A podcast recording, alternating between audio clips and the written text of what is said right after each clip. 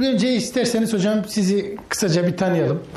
Ee, biraz kendinizden bahsedebilir misiniz? Turan Koç bugünlere nerelerden geçerek geldi? Ee, insan kendisinden bahsetmesi biraz zor oluyor. Veyahut da ne kadar söylese e, söylenmemiş olan daha çok kalıyor ama yine de ima kabilinden e, bir iki cümle söyleyeyim. Kayseri'nin merkez bir köyünde Çevril veya Çivril adıyla alınan orada doğdum. Ee, hani köy olunca taşı, toprağı, karı, tipisi, tozu, e, boranı, yağmuru, tipisi bol olan e, bir köyde doğdum. Bir çiftçi ailesinin çocuğuyum. Dolayısıyla sağmal dediğimiz veya öküz, inek, eşek, katır, at, amcalarımın mandası. Tabi bunlardan başlayalım. Bağcılığımız var, sebzeciliğimiz var. Dolayısıyla biraz e, uygun düşer mi bilmiyorum ama katıklı bir köydü. Yani sebze var, bağcılık var, tahıl var, hayvanlar var. E, tabii iş güç de var. Yani öyle. Büyük ölçüde 15-20 yaşına kadar burada geçtim. Tabii ben Kayseri'de orta öğretimimi Kayseri'de tamamladım. İmam Hatip ve aynı zamanda lise çıkışlıyım. Ondan sonra e, tahmin edeceğiniz e, o süreçlerden geçtim. Ama e, köy e, tecrübem e, öyle sanıyorum ki bugün bile hala bana kredi veren bir tecrübe olduğunu rahatlıkla söyleyebilirim. E, o bütün bir tecrübe. Orada köylerde hayat şehirdeki gibi değil. Bütün olarak görüyorsunuz. Yaşlı ile yaşlı, genç de genç. Düğünlerde oynuyorsunuz. E, ve ölümlerde de e, tekrar e, onu e, idrak ediyorsunuz. Yani musalla taşına kadar gidiyorsunuz. Yani o tecrübe bence önemli bir tecrübe. Ee, bunu da biraz herhalde şunun için e, söylemek durumunda kaldım.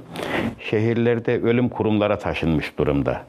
Yani biraz ölümle hatta ölüyle pek karşılaşmıyoruz. O bakımdan e, köyde e, doğumdan ölüme kadar o iki aralıkta bütünce bir hayat yaşıyorsunuz. O hayatı tattım, iyi ki tatmışım diyorum. Evet. İla, e, İmam Hatip yıllarında e, Kayseri'de bulundunuz. Herhalde yatılı okudunuz o dönemde. E, yatılı hiç kalmadım. Hiç yurtta kalmadım. Yani benim için herhalde e, o günlerde çoğu insanın yakalamaya, yakalayamayacağı bir e, şans, bir e, şey oldu. Ağabeyim aynı zamanda memur olduğu için onun yanında, onun evinde kaldım. Hmm. Dolayısıyla bana bir de bisiklet almıştı sağ olsun. Kulakları çınlasın. Yani ben o bisikletimde gelir giderdim. Fuji marka bir bisiklet. Nasıldı o yıllarda Kayseri'deki kültürel ortam? Siz nerelere gider gelirdiniz? Neler okurdunuz? Ee, Kayseri'de o zaman e, elbette başka dergiler falan e, vardı ama bunların içerisinde en e, dikkatimi çeken ve bugün de hala iyi ki e, karşılaşma fırsatı buldum dediğim Büyük Doğu dergisi çıkardı. Diriliş dergisini bir iki sayısını bir yerlerde gördüm ama Diriliş dergisiyle ve Sezai Karakoç'la e, Kayseri'de tanıştım. Yani tesadüfen tanıştım ama Ankara'ya gelince e, kopmamacasına e, sürdü bu tanışıklık, bu birliktelik, bu sohbet diyelim geleneksel dilimizle. Daha başka dergiler de çıkıyordu elbette. Mesela Hareket dergisini ben Kayseri'deyken gördüm. Hisar dergisini gördüğümü hatırlıyorum. Bir de e, Mehmet Şevket Eygi veya Ahmet Kabaklı gibi Necip Fazıl göre tabii başta onu da söylemem gerekiyor. Bazı gazetelerde yazılar yazıyorlardı. O günlük yazılarda e, belki sürekli ve özenle olmasa bile e, farkında olarak takip ettiğimi rahatlıkla söyleyebilirim. Neler dikkatinizi çekiyordu bu dergilerden sizin bir lise öğrencisi olarak? Sizi nasıl etkiliyordu bu dergiler? Tabii yani o dergilerdeki yazılarla veya gazetelerdeki bazı yazılarla bir özdeşleşme söz konusuydu çoğu durumlarda. Hani onunla bütünleşince bir yerde bir başka gerilimle de insan doluyor. Yani köyden gelmişsiniz şehire yani bir nevi bir e, geçiş yapmışsınız. Hani yatay mı dikey mi onu bilemiyorum ama e, orada kendinize karşı bir bakış olduğunu devlet tarafından, başkaları tarafından, başka gruplar, klikler tarafından e, bu köyde falan farkında olmadığımız bir durum. Dolayısıyla gerilimli e, bir şekilde oldu diyebilirim. Yani e, bu tür hani biz bizden olanı görüyorsunuz. E, size karşı aykırı e, sesler duyuyorsunuz. E, dolayısıyla köydeki yalın, çıplak ve duru hayatın karşısında şehire gelince artık e, köyün dedikodularının dışında e, entelektüel diyebileceğimiz bir şeye de atlamış oluyorsunuz. Bu öyle sanıyorum ki bana ilk yıllardan itibaren keyif verdi. Ee, işte bugüne kadar da sürdürmeye çalıştım. Hocam bu e, Ankara'ya zannediyorum 1970'lerin başında geliyorsunuz. Evet. E, Yüksek İslam Enstitüsü'ne, İlahiyat Fakültesi'ne. E, sizin hocam e, o dönem bahset biraz önce de zikrettiğiniz entelektüel bir e, atmosferle karşılaştığını söylediniz. Buradaki entelektüel atmosfer o dönem nasıldı? Kimlerden oluşuyordu? Hangi tartışmalar yürüyordu? Ee, o dönemde e, tabii e, o dönemin havası epeyce farklıydı. Yani 70'lerde yeni bir muhtıra falan da verilmişti. Gerilimli bir durum. Sağ sol dediğimiz akımlar söz konusuydu. Daha Ankara'ya gelmeden önce ODTÜ'deki olayların e, şöyle böyle e, takip edebiliyorduk. Henüz televizyon yok ama radyodan veya gazetelerin en azından manşetlerinden, spotlarından böyle bir takipte bulunuyorduk. Ha bunun yanında Kayseri'deyken küçük e, bazı dernek oluşumlarla da e, bir ilişkim olmuştu. E, Onların haberdar ettiği, onların telkin ettiği bazı yazar, e, kitap, e, ne bileyim bakış açısı da benim ufkumu açan ve benim önümü bir yerde aydınlatan e, fırsatlardı. Yani öyle olunca Ankara'ya geldiğimde biraz donanımlı gibi de yani en azından elimde şöyle böyle pek uzak şey menzilli olmasa da bir pusulam vardı diyebiliyorum. Mesela gelir gelmez de birkaç dergi, mesela Hisar dergisi hatırladığım kadarıyla e, öyle bir dergi çıkıyordu. Onlara da bakıyorduk. Bazı arkadaşlar yazıyordu. Yine ona benzer Kayseri'de e, dergiler çıkıyordu. İstanbul'da çıkan dergilerden ağabeyler, arkadaşlarımız vasıtasıyla haberdar oluyorduk. Bunları e, özenle takip etme durumu söz konusu olmasa da e, birilerinin bir yerlerde bizim adımıza bir rüya gördüğünü e, biliyordum. Ya bu dolayısıyla sonraki aşamalarda, sonraki süreçlerde, takip eden süreçte e, benim e, istikamet tutuşumda, tutmamda e, ve hatta ne yapmam gerektiği konusunda en azından bir delil, bir ipucu, e, bir e, evet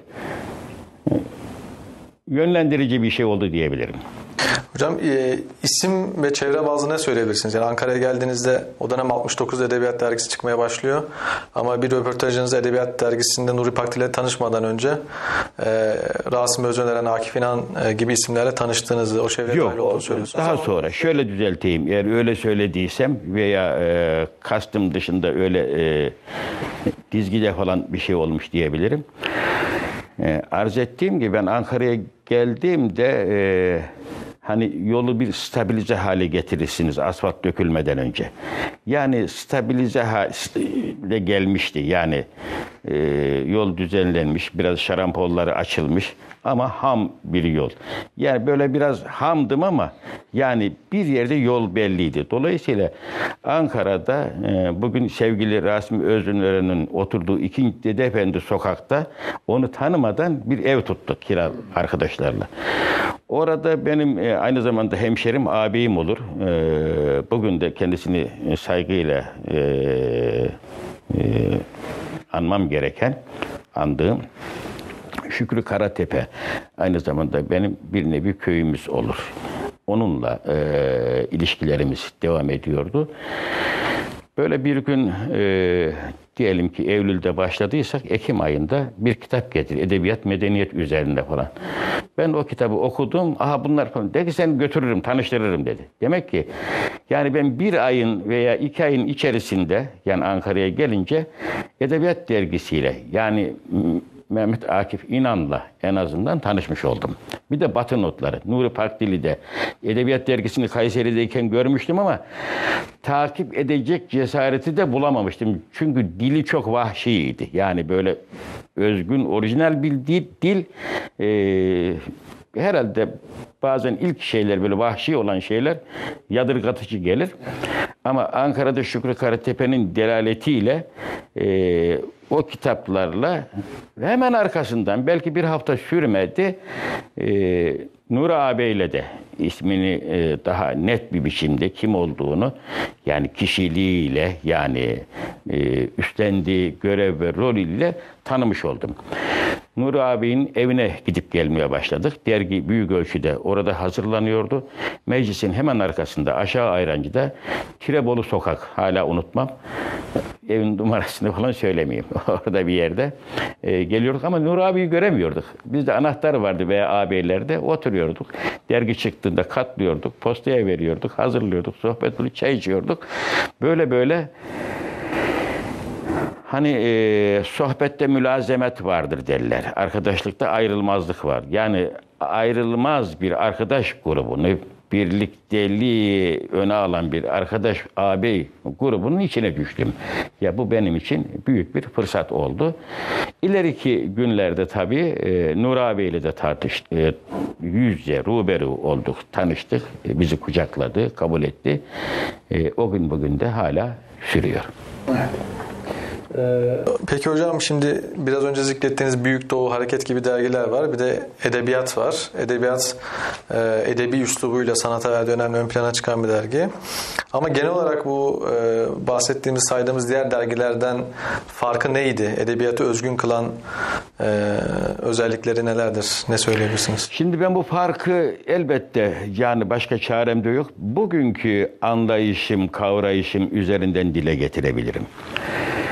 Ee, şöyle e, bir başlangıç yapmam herhalde doğru olur. Şimdi dil, biz dil içinde biraz oluyoruz. Yani dille de işimizi hallediyoruz. Şimdi e, kelimeler ve cümlelerimiz eski güç ve kullanımlarını realiteyle karşılaştıklarında en azından yarı yarıya kaybeder. Yani eskiden bir kelimenin güç ve sesi ne kadar ve nereye ulaşıyorsa realitenin baskısından dolayı, içinde yaşadığımız dönemden dolayı, sosyal olayların yönü, akışı, yoğunluğundan dolayı o dil eski işlevini göremez hale geliyor.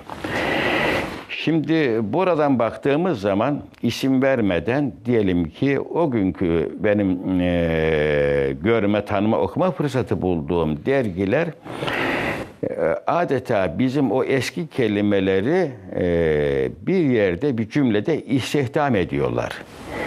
Kelime orada e, işlevsel olmaktan çok yani beylik bir cümle kurduğumuz gibi böyle beylik cümleler kurulur. Arkadaş nasılsın falan derken yani çoğu zaman bunu belki de işten de sormayız. Yani onu sormak durumundayız. Yani protokol icabı karşılaştığımız zaman hani İngilizlerin havalar nasıl gibi. Şimdi elbette bunları bugünkü bakışımdan değerlendiriyorum. Ama bu anlayışa çok kısa bir sürede o günlerde geldiğim kanaatindeyim. Cümleler istihdam ediliyor. Yani bir yerde kullanılıyor, e, kullananı biliyorsunuz. O arada siz de kullanılıyorsunuz. Dolayısıyla o istihdam edildiği yerde kelime eski ses ve gücüne sahip olduğu sanılıyor ama onu icra edemiyor. Yani kelimenin orada cümlenin fonksiyonu yok. Şimdi bunu çok kısa bir süre içerisinde e, Nuri Pakdil hatta Sezai Karakoç ağabeyle o da o zaman Ankara'daydı. Zaman zaman böyle fırsat buldukça sohbetlerine katılıyorduk. Buna benzer yorumlarından ben kendimce bu arz etmeye çalıştığım yön doğrultu düzeyde sonuçlar çıkarıyordum. Yani dili yazar kendisi kullanması gerekir. Ya başkasının dilini değil, müstamel, elden düşme bir dil değil. Dolayısıyla Edebiyat Dergisi'nin her şeyden önce yaptığı bir kez sen göreceksin, sen bakacaksın, sen kendi tecrüben üzerinden sesleneceksin. Eğer ses yani bir anlamsa kendi sesine bindireceksin. E, çizgi ise rengin, çizgin neyse yani e, kendi tecrüben, kendi kavrayışın, kendi algı ve idrakin üzerinden ve bu kelimenin bu çağda oynayacağı, bu cümlenin bu çağda oynayacağı rolü dikkate alarak e, kullanacaksın gibi bir anlayış herhalde belirginleşmişti. Böyle ayranın içindeki yağın ortaya çıktığı gibi. Dolayısıyla Edebiyat Dergisi'nin dilinin e, diğer dergilere göre birileri için tedirgin edici yani yeni, vahşi gelen tarafı benim için çok daha e, cezbedici, kışkırtıcı hatta geldi. Yani orada bir şey kullanılıyordu. Yani e, yazar e, yakaladığı algıl, algıladığı, idrak ettiği hakikat anlayışı neyse bunu dile getirmenin ve o çağda, o gün dile getirmenin sancısını yaşayan birisi olarak e, ben de öyle sanıyorum ki e, açıklık kazanmıştı. O zaman Edebiyat Dergisiyle diğer dergiler arasındaki farkı, dolayısıyla yazar veya sanatçı olma arasındaki farkı da dolayısıyla e, daha belirgin bir şekilde e, anlamaya, kavramaya başladım sanıyorum. Fikir açısından e, bu şekilde bir fark vardı. Biçim açısından ne tür farklar vardı? Mesela yani daha dakiklik, daha e, biçime özen göstermek e, vesaire gibi özellikleri olduğunu da biliyoruz. Biçime yine o günlerde de yani başlar baş ben ondan önce şunu arz edeyim. Ondan önce lise yıllarımda Aruz'da şiir yazdım hece ölçüsüyle şiir yazdım. Diyebilirim ki iyi bir defterim doluydu.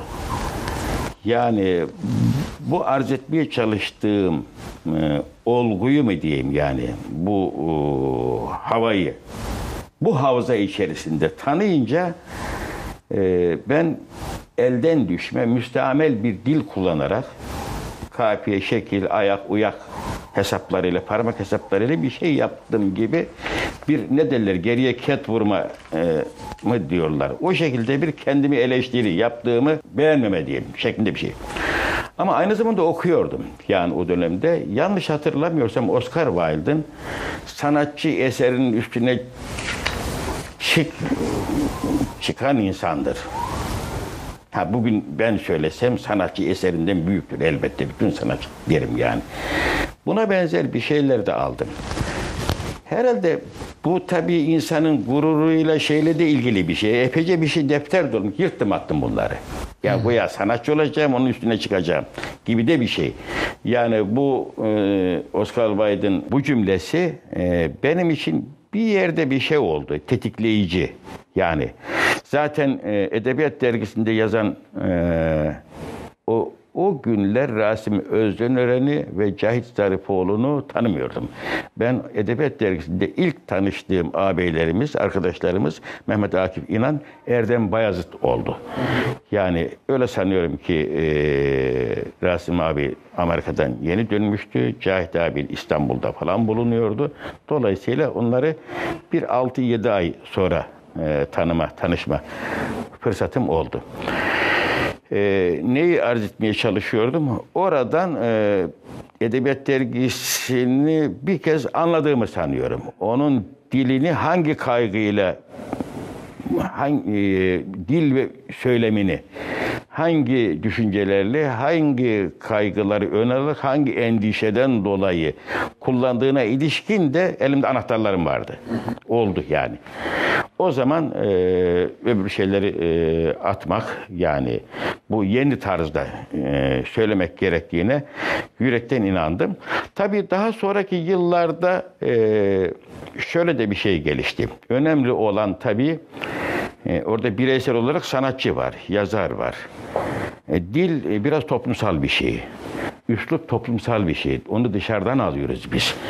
E, üslubun, dilin e, değişmesi de e, biraz bununla ilgili. Yani Selçuklu camilerinin formu Osmanlı camilerine benzemiyor. Eğer bu bir biçimse. Ama ikisi aynı özü dile getiriyorlar. O gün böyle ifade edebilir miydim onu bilemiyorum ama e, özün e, özün dili çoktur. Hakikatin dili çoktur, çok boyutludur, çok katlıdır gibi bir herhalde e, sonuca vardım ki e, benim için bir problem olmadı. Edebiyat dergisi de bu anlamda benim için çok anlamlı bir yerde. Dili ve söylemiyle durduğuna ilişkin bir kanaatim pekişti. Sonra bir Mavera dergisi, biraz önce saydığınız isimler bir Mavera dergisi e, deneyimi yaşadılar. E, ayrı bir yol çizdiler kendilerine. Siz nerede konumlandınız bu noktada? Mavera dergisinin çıkışını nasıl değerlendiriyorsunuz? Bunu bir yerde iyi ki e, soruldu böyle bir soru sordunuz. E, Mavera dergisi e, fikir, yöntem e, ve istikamet tutuş e, ve en genel anlamda kıble farklılığından doğ- doğan bir ayrışma, bir bölünme değildi kesinlikle. Orada e, insanlık hali yani e, bu demek ki bugünkü açı, bulunduğum yerden baktığımız zaman ağabeylerimiz arasında da demek ki bir küçük bir şeyler oluyor ki e, biz bir farklı dergi çıkaralım noktasına gelmişler. Bir anekdot olsun. E, Mavera dergisinin hazırlanmasında Bayındır Sokak 31C. Oranın tutuluşu ve oranın ilk badanasını yapan benim. Bodrum eee, kısmı vardı. Cahit abi bana rahmetli gazoz getiriyor, kola getiriyor, işte tost yaptırıyor falan böyle. Ben aşağıda e, öyle sanıyorum ki çok sıcak Ağustos günlerinde alt bodrum katı kireç badana yaptığım için yanıp tutuyorum böyle. O da öyle yukarıdan su uzatıyor. Akşama kadar bitirdik. Ee, ama bana beni aşağı yukarı besledi, büyüttü yani doyurdu o gün. Akşam dolmuşla Aydınlık evlere gidiyoruz. Dolmuş parasını da ben vereyim diye aklımdan bir şey geçti. Öyle bir vurdu ki aptallık etmedi. Ağabeyleri verir. Dolmuşun parasını da o verdi akşam giderken. O gün gündüz e, dedi ki Turancığım dedi yani. Nur abiyle aramızda bir şey var dedi. Oldu. Yani biz edebimizden bir varamadık. Varamayınca da daha varamaz olduk yanına. Bizim varmamız gerekir. Varmaya teşebbüsümüzde de hani şükür pabucum veya işte ayağım şeyde kaldı diyor ya yani mürit mürşit ilişkisinde. Buna benzer bir şeyler anlattı. Dedi ki aman Han Nur abiye karşı hiçbir kusur yani e, eksiklik bilmem bir şey yapmayın. Bizim gönlümüz hep Nur abiyle ona saygımız sonsuzdur. O bizi gelin dediği zaman biz her şeyi tekrar bırakır geliriz. Ama böyle bir şey var ben arkasını söylemiyorum. Nur abiyi yalnız bırakmayın dedi. Neydi sizce aradaki kopuşun sebebi? Öyle sanıyorum ki mesela batıdan falan çeviriler yapılıyordu. Ama bunların hepsi bir takım e, ipuçlarından ulaştığım sonuç kesin bilmiyorum. Yani o kitabımı basalım, bu kitap mı önce olsun, o mu önce olsun, bu mu önce olsun. Yani mesela dil konusunda olduğuna falan sanmıyorum. Çünkü e, her birinden de dilin yani o gün öz Türkçe deniyordu. Tabii Türkçe, Türkçe kullanacağız. Yani e, şunu da arz edeyim. Bütün orada o günkü ağabeylerimizden duyduğum ve benim de yani bir yerde sohbete katılıp belki de görüşümü belirttiğim eee, biraz önce arz etmeye çalıştığım bir husus vardı. Dil ikiye bölünmüştü o gün. Bir Türk Dil Kurumu sözlüğünü veya Türk Dil Kurumu'nun bastığı çeviri sözlükleri mesela Fransızcadan Türkçe'ye, Türkçeden Fransızca'ya gibi bunlar özenle mesela diyelim orada bir mesela kelimesi geçiyor ki eski. Şimdisi ne olacak? Örneğin olacak. Yani buna benzer. Tabii Türk Dil Kurumu'nun veya Milli Eğitim o günlerde Kültür Bakanlığı yoktu herhalde o gün. Bunların bastığı kitaplar liselere, ortaokullara, kütüphanelere gönderiliyor. Bir de bunun karşısında muhafazakar diyelim tırnak içerisinde. Yani bir şeyi koruduğu bilinciyle e, aynı zamanda eski dil ve söylemi de eski atıflarıyla kullanan ağabeylerimiz, yazarlarımız vardı. Şimdi ben bu iki çatallayan yol arasında Edebiyat Dergisi'nin dil ve söylemi tarafında durdum. Dolayısıyla bu tür bir bakış açısından kaynaklandığını asla sanmıyorum. Bu bir şeye öncelik verme pratikte. Neydi Edebiyat Dergisi'nin e, bu anlamda bakış açısı? Onu biraz açabilirseniz belki bu röportajı izleyenler arasından bu hususta daha az bilgi sahibi olanlar olabilir. Yani o işte e, inan bilsem söylerim. Yani belki de Ay- Aydın'da da kavuşmuş olabilir ama o gün mesela şöyle bir şey olabilir. Daha öz Türkçeci İnanın bir edebiyat, duruyor edebiyat Dergisi? dergisi daha sonra Mabera'da öyle çıktı. Büyük ölçüde e, başta Nuri Pakdil, Akif İlhan, Rasmuddin abi ellerinde haçlık varsa vererek biz de yetişebildiğimiz yerde katılabildiğimiz kadar 10 lira ise 10 lira. Bunlar e, dayanışma ile yayın hayatını sürdüren dergiler. Bunların içerisinde ama bu tahmini. Bunların içerisinde kitaplar basılıyor. Diyelim Jack Prever'in de bir kitabı basılıyor. Nur abinin çevirdi. Kitabın kendisi 20 sayfa var veya yok. Yani bugün şimdi hayal ediyorum. Şimdi bunun kapaktan bir fiyat çıkıyor buraya. Kapak tasarımından bir fiyat çıkıyor. Sayfa üzerinden bir fiyat çıkıyor. Şimdi bu kapak e, tasarımı e, 100 sayfa olsa da aynı fiyattır, 1000 sayfa olsa da aynı fiyattır. Öyle sanıyorum ki buna benzer e, bir şeyler oldu. Yani bu böyle şey olmaz. Daha pratik, sonuç alıcı bir yerlere varalım derken Nur abi de hayır efendim yani bir harf yanlış çıktığı için derginin basımı iptal edildi, dağıtıma verilmedi. Bir şiir veya hikayenin başlığında bir harf yanlış çıktığı için o dergi tekrar basıldı. Şimdi bu bir tartışma konusu olabilir mi? Olur. Niye olmasın? Siz istersiniz, ben istemem. Ama Nuri Pakdil'in dediği oldu burada. Hayır efendim dedi. Biz o kura saygılı olmamız gerekir. Yazısına özen göstermeyen adam, çizgisine özen göstermeyen adam, düşüncesine de göstermiyor demektir. Bu yırtılacak, tekrar harfi düzeltilmiş olarak basılacak. Basacaksın da yani bu cepteki parayla oluyor. Para önemli değil. Para Nuri Pakdil'in lügatında domuz yağıdır.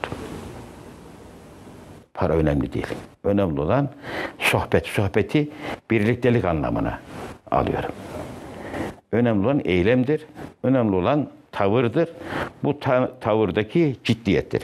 Öyle olunca e, bu abilerimizden hiçbirisi hiçbirisi Nuri Pakdil veya daha genişletebiliriz Sezai Karakoç e, aleyhine olabilecek bir harf bir yerde. Hiçbir şey duymadım Allah şahit yukarıda. Hocam şimdi Nuri Pakdil'in de tavrı önemsediğini, dili önemsediğini söylediniz. Edebiyat dergisinin e, emperyalist, sömürgeci, anamalcı, Marksist ideolojilere karşı, onların politikalarına ve ideolojilerine karşı yerel ve yerli düşünceyi sahiplenmesi, onu ön plana çıkarması ve yeni bir uygarlık dili geliştirme gibi bir çabası var. Bu çabayı anlatabilir misiniz biraz? E bu açık tabii yani e, bugün de böyle. Yani Batı e, özellikle Batı kültür ve medeniyeti, uygarlığı belli bir dönemden sonra e, bizde olduğu gibi belki dünyanın belki değil dünyanın her yerinde sesini duyurmuş, rengini vermeye başlamış ve bir takım bir şeyleri de biraz önce realite dediğim realite olarak geldi. Yani biz Batı medeniyetini e, Western Thought veya e, Western Civilization falan kitaplar okuyarak öğrenmedik. Yani pratikten geldiği için realiteye e, realiteyi işgal ettiği için o da bizim dilimizi değiştirdi. Yani telefon kullanıyoruz şimdi. Cebi cevap vermiyor cümlesi bundan e, 30 yıl önce e, dünyasını değişmiş bir adama bir şey söylemez. Cep bilir, cevabı bilir. Cebin cevap vermesini aklından bile geçmiyor. Dilin sentaksini de bozdu. O zaman semantik problemler çıktı. Ee, Yani böyle bir şey. Dolayısıyla e, şimdi burada e, bizim diyelim ki yapım yani dil son derece önemli. Dilimizden bir takım notalar düşmeye başlamıştı anlamına geliyor bu. Bunu düşüren nedir? Batı. Şimdi ister komünizm olsun o dönemlerde sı- sıkça tartışılan veya sosyalizm olsun ister eee, kapitalizm veya bunun çeşitli versiyonları ve ekonomik mode- modeller olsun. Yok işte o günlerden hatırladığım bu Friedman'mış, Galbraith'miş böyle kitaplar da çıkıyor. Yani isimler çıkıyor. Şimdi eee, bunlar kendi kültürlerin, kendi medeniyetlerinin problemlerini çözmek için, onu yeniden yorumlamak için yazıyorlar bu kitapları. Şimdi bunları biz alıyoruz. Burada tekrar bu yorumdan kendimize göre bir yorum üretmeye çalışıyoruz ama realitede epeyce değişmiş şeyler var. Dolayısıyla adeta neredeyse kendimiz olmaktan çıkmak gibi bir durum söz konusu. Oysa özellikle Nuri Pakdil gibi, Rasim Özdönüren, Mehmet Akif İnan gibi hani bir yerde Türkiye'deki başka illerimize göre biraz sapa bir il Maraş veya Urfa. Ee, Yani geleneksel anlayışı, havayı, havzayı e, yaşamış, tecrübe etmiş bir insanlar. Böyle bir şey gördüğü zaman Ha ben de öyleyim. Ben de Kayseri'nin bir merkez köyünden geldim ama şoka oluyorsunuz. Bu nereden kaynaklanıyor deyince bu Batı karşınıza çıkıyor.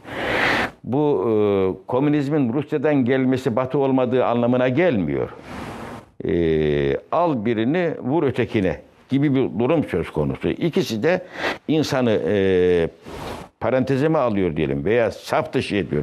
Nazara dikkate almadan e, yani büyüme, gelişme, kalkınma e, veya işte sonsuz ihtiyaçlar falan. Ama ben öyle gelmedim Ankara'ya. Haceti Asliye denen bir şey vardı. Edep Yahu denen bir şey vardı. Annemizden babamızdan gördüğümüz. Selam esenleme vardı. Yani o zaman bir yerde karşılaşıyorsun bir şeylerle. Bu ben nerede durmam gerekir e, diyor. Şimdi sanat her şeyden önce her sanatın arkasında bir dünya görüşü olduğuna inanıyorum. Bunu rahatlıkla söyleyebiliriz. İster e, diyelim ki batılı olsun, ister doğulu, ister Müslüman, ister Hristiyan olsun. Bu dünya görüşü vardır. Orada da onun hakikat anlayışı, tasavvuru vardır. Varlık tasavvuru vardır. Bilgi anlayışı vardır. Değer telakkisi vardır. Şimdi öyle şiirlerle karşılaşmaya başladık ki bu ne benim ne o kadim Yunan toplumunun polisteist o tanrılarla ilişkisine benziyor. Yani arizi bir şeyler söyleniyor ama o zaman e, bir de benim göbek bağıyla bağlı olduğum hakikatim var. Yani bu boş değiliz. O zaman yerli bir ses, yerli bir duruş, klas bir duruş göstermek, sergilemek demiyorum. Göstermek de öyle bir şey oldu. Sahip olmak. Sahip olmak. Öyle bir duruşa sahip olmak. Öyle bir yerde durmak. Yani ilişki değil. Bu benim geçmişimde alışveriş içinde olma. O bana vereceğim. Ben de ona bir şey vermem lazım. Onu ye- tekrar onu sesime katmam gerekir gibi bir anlayışla eee, bu yabancı e, ideolojilere, akımlara, görüşlere karşı da bir aynı zamanda eee, tavır gelişti. Yani gelişmesi de gerekiyordu. Hocam burada yerli düşünce aslında ilk anlamda e, alındığında daha böyle Türkiye sınırlarında bir düşünce gibi anlaşılabilir ama e, Edebiyat Dergisi'nde bir evrensellik gibi bir söylemi var. Bu yerli düşünce ile evrenselliği nasıl bağdaştırdınız? Şimdi geri, biraz geriye gitmeme izin verir misiniz? Yani medeniyetlerin eee, temelinde bir kurucu kaynak vardır. Bir, iki olabilir yani. Mesela bizim kurucu kaynağımız Kur'an ve hadistir. Ve bize diyor ki e, yeryüzüne miras, varis kılınma bize telkin ediliyor Kur'an'da. Yeryüzünün varisleri, yeryüzü size mescit kılındı diyor. Bunların ima ve atıfları çok geniş. Bir mümin bunu yani okulda öğrenmesine gerek yok. Yeryüzü size mescit kılındı dediğimiz zaman e, yeryüzü e, genelinde bakmasını öğrensin. Yani evrenselliği mantıktaki tümellik anlamında almıyorum. Cihan şümül anlamında alıyorum. Yani geniş çaplı. Buradan e, bakmamız gerekiyor. Şimdi Kur'an'ın ortaya koyduğu hakikat tasavvuru da Hazreti Adem'in de sahip olduğuna inandığımız bir hakikattir. Öyle bir gelenek var. O nur, Mevlüt'te öyle anlatırız Süleyman Çelebi'nin. Şit doğdu, ana naklettiği nur der. Yani Adem'e gelen o nur, bir taif gibi o vahiy ve hakikat bilgisi neyse peygamberleri zincirleme altın zincir buraya kadar geliyor. Gelenek dediğimiz zaman yani benim işte çocukluğumda eee kara gözler şöyle oynatılırdı şeklinde bir şey değil. Bir kısa metraj bu gelenek dediğimiz çok e, hakikatin e, devirler, çağlar e, üzerindeki e, dili, tezahürü üzerinden gelenek diyorum yani. Dolayısıyla benim kurucu kaynağım Kur'an, hadis. Yani Hristiyanlığınki de İncil olabilir, Yahudininki Tevrat olabilir. Daha başka burada bileşenler de vardır mutlaka. Roma tecrübesini çıkarın. Daha sonraki tecrübeleri elbette çıkaramazsınız ama bunun bir koruyucu dili de vardır. Bunun e, dil derken de sanatı, ne bileyim hüneri, aklımıza ne geliyorsa, çizgisi, yolu, şehri, mimarisi hepsi böyle bir şey. Şimdi Kur'an-ı Kerim bizi bir hakikate varis kıldığına göre eğer biz bunu bu şekilde anlamışsak o zaman ister istemez e, diliniz, görüşünüz e, uzun e, e, olması gerekiyor. Herkese sistemi gerekiyor diye bunu bir tanım icabı yapmıyoruz. Zaten Kur'an-ı Kerim kardeşten, kardeş de onlar da benim kardeşim. Değil mi ki babamız nihai anlamda gittiğimizde Adem Aleyhisselam, annemiz de Havva. Ya o başkası değil ki.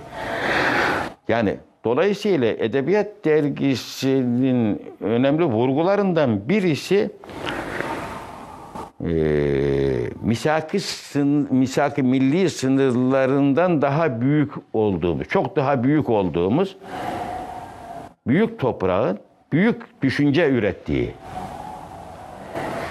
büyük düşünmek için dünyaya açılmak gerektiği, kendimizin dünyada ve kainatta nerede bulunduğunu anlamamız için doğunun batının tecrübesini, fikriyatını elimizden geldiği ölçüde anlamak gerek. Onu anladıktan sonra kendimizi e, bu e, şey içerisinde, bu çağda buna göre en azından anladıklarımız üzerinden konumlandırmak gerektiği şeklinde bir bakış açısı vardı. Öyle sanıyorum ki, yani sanıyorum değil, yani bilerek konuşuyorum.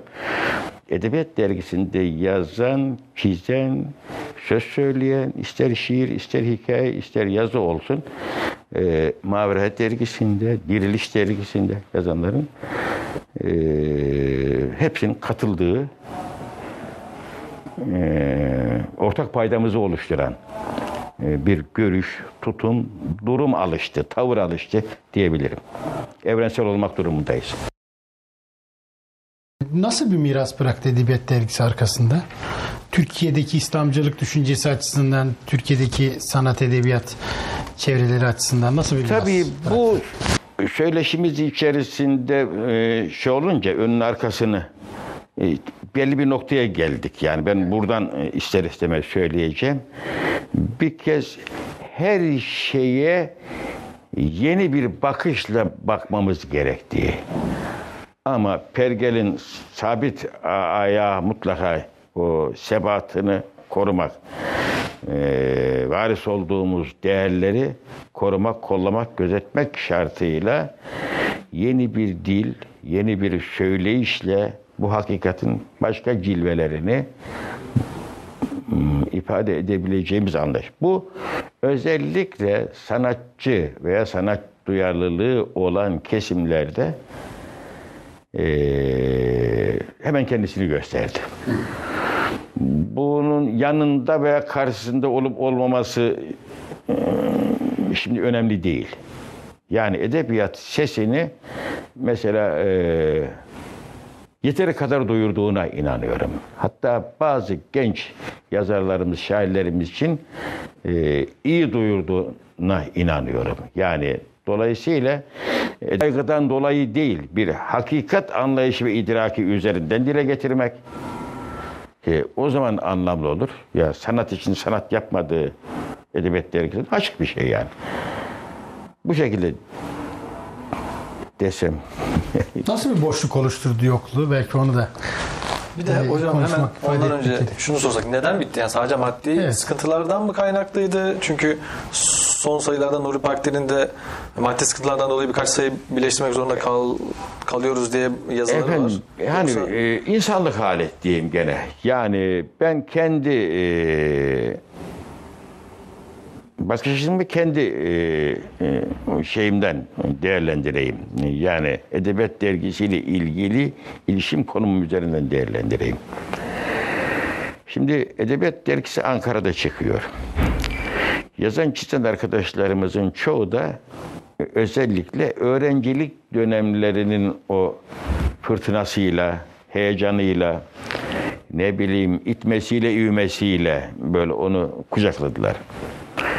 Şimdi çoğu arkadaşımız uzun süre direndi.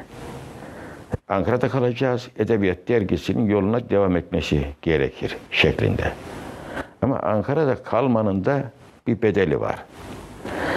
Yani dünya hali dedim, insanlık hali, e, iş bulması gerekir, bulamayanlarımız oldu. Evlilik durumları olabilir. Buna benzer. Yani e, ben ikisini örnek vermiş oldum. Şimdi bu durumda bir kısmı öğretmen oldu, başka bir yere gitti. Yani her ay gel, her ay toplantı. Yani mesela e, gönlü öyle istiyor ama yani gönlümüzün uzandığı yere elimiz uzanmıyor. Yani aklımızın ulaştığı yere yani ne bileyim başka e, bir güç ve yetimiz ulaşamıyor. Buna benzer bir e, yazarları arasında şey oldu. Yani sürekli birliktelikten söz ediyorduk. O birliktelik e, de e, dışarıdan sebeplerle yani bu gönülden öyle istediği için falan değil. Dışarının, şartların zorlaması hani biraz önce realiteyle şey karşı ilke ve ideallerimiz karşılaşınca demek demiştim. Burada da ilke ve ideallerimiz e, realite arasında neredeyse asimetrik diyebileceğimiz yani bir köyden çıkmışın gelmişin. Nerede oturman gerekir? Bir, Nene Hatun Caddesi'nde oturmamız gerekir. Ankara'dayız. Burada ise nerede oturmam? Etiler'de oturmam gerekir. Di- Diyebilir. Niye oturmayayım yani? Yazacaksam, çizeceksem. Şimdi bırakın Etiler'i, Nene Hatun Caddesi'ni, Çankaya'yı. Hani oraların beyleri var, otur, otur- orada oturanlar var. Ankara'da kalmanıza müsaade etmeyen bir şartlar da oluyor. O zaman birileri ayrılmak durumunda kalıyor. Ayrılınca oranın da kendine e, özgü şartları var. Arz ettiğim gibi. Bu e, o dayanışmadan gene tırnak içinde söyleyeyim. Belki tavizler, belki sehven, belki zuhul eseri bir e, kopmalar, kaymalar falan da oluyor. Yoksa edebiyat dergisi niye çıkmasın? Şimdi e, Nuri Pakdil veya Sezai Karakoç'un büyüklüklerinden birisi de memuriyeti yani emeğinin şeyin karşı parayı ayaklarının altına almış olmalarıdır diye düşünüyorum. Bu çağda güzel bir memuriyeti tepmek kahramanlıktır. Onun için bu insanlar yiğit insanlar diye rahatlıkla her yerde bağıra bağıra söylerim. Bunu e, yapanlarımız elbette var. Yeri gelince hepimiz yaparız, yapmamız gerekir ama yaptıklarını gördük yani.